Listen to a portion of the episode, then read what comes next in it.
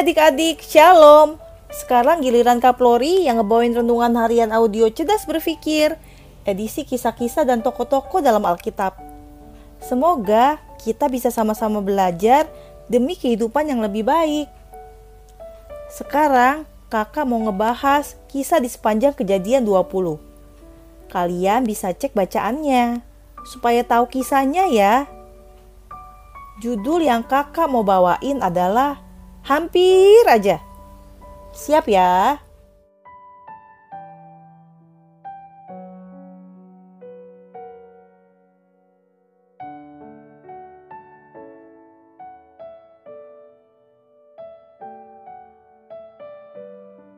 Cie, pasti lagi nungguin kakak ngelanjutin renungannya ya.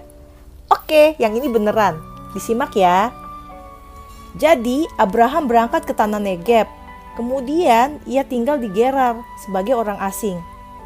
Sampai sini sih masih aman-aman aja. Nah, mulai timbul masalah nih. Kejadian 20 ayat 2 mengisahkan gini. Oleh karena Abraham telah mengatakan tentang Sarah istrinya, dia saudaraku, maka Abimelek Raja Gerar menyuruh mengambil Sarah. Jadi Raja Abimelek nggak tahu bahwa sebenarnya Sarah adalah istri Abraham. Makanya dia mau menikahi Sarah.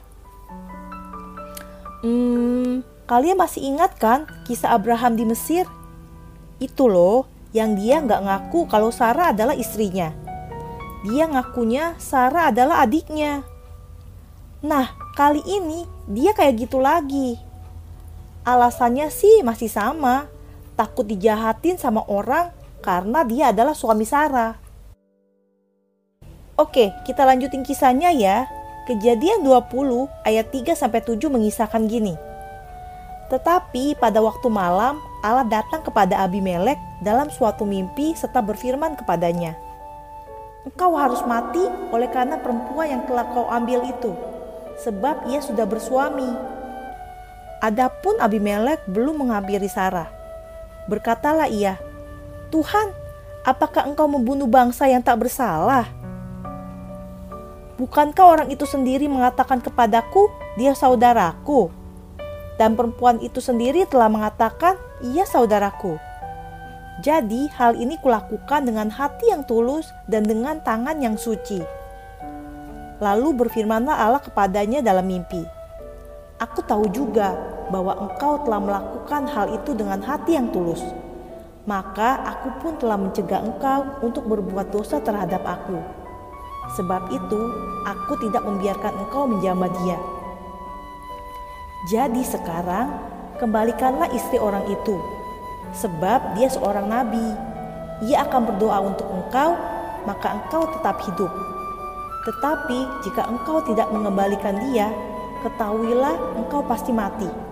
Engkau dan semua orang yang bersama-sama dengan engkau.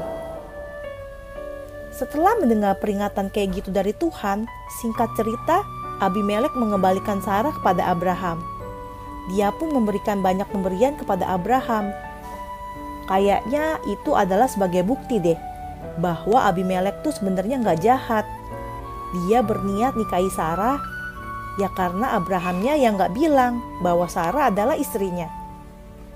Dan di bagian akhir kisah ini diceritakan bahwa Abraham berdoa memohon kesembuhan atas Abimelek dan seisi istananya Soalnya tadinya mereka kena tulah atau hukuman karena Sarah mau dinikahi Abimelek.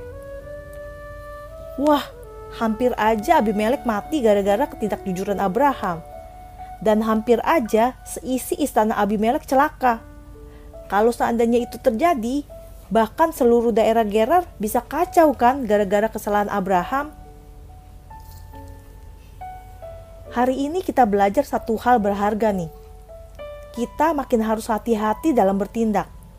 Soalnya gini, kesalahan, kecerobohan, atau dosa yang kita lakukan kadang tuh bisa membuat orang lain dirugikan atau malah celaka. Misalnya aja keserakahan. Kayaknya orang yang serakah bisa loh nggak peduli sama hak orang lain. Penebangan hutang secara sembarangan dan untuk keuntungan diri sendiri kan justru malah merugikan serta mencelakakan orang lain. Bahkan lingkungan. Dampak buruk dari tindakan tersebut banyak banget kan? Pemanasan global, berkurangnya habitat hewan, bahaya banjir, dan lain sebagainya. Semua karena keserakahan kan? Contoh yang paling dekat dengan kehidupan kita nih, gak jaga perkataan. Kita sembarangan aja ngomong tanpa peduli perasaan orang lain. Entah ngomong kasar atau kotor, bercanda, berbohong, menyatakan janji, dan yang lainnya. Gara-gara kelalaian kita, perasaan orang lain jadi terluka. Hmm, masih banyak contoh yang lainnya. Tapi kakak yakin kalian pasti udah paham. Intinya sih ya, kita harus hati-hati dalam bertindak dan bersikap. Itu karena apa yang kita lakukan juga bisa memiliki dampak bagi orang lain, baik atau buruk. So, hati-hati ya. Oke? Berdoa yuk. Tuhan Yesus yang baik, terima kasih untuk kebaikanmu kepada kami. Karena hari ini kami masih diberi kesempatan untuk mendengarkan suaramu melalui renungan harian audio cerdas berpikir hari ini. Tuhan, tolong kami untuk selalu berhati-hati dalam setiap tindakan dan sikap yang kami ambil. Karena setiap apa yang kami lakukan bukan saja berdampak untuk kami sendiri, tapi berdampak untuk orang-orang di sekitar kami. Sebagai anak Tuhan yang baik, kami mau segala tindakan yang kami lakukan boleh menjadi berkat buat banyak orang. Dan namamu saja yang ditinggikan dan dimuliakan. Di dalam nama Tuhan Yesus, kami berdoa dan mengucap syukur. Amin. Oke, tetap sehat, tetap semangat, dan tetap jadi berkat. Jangan lupa bahagia ya. Tuhan Yesus memberkati. Dadah.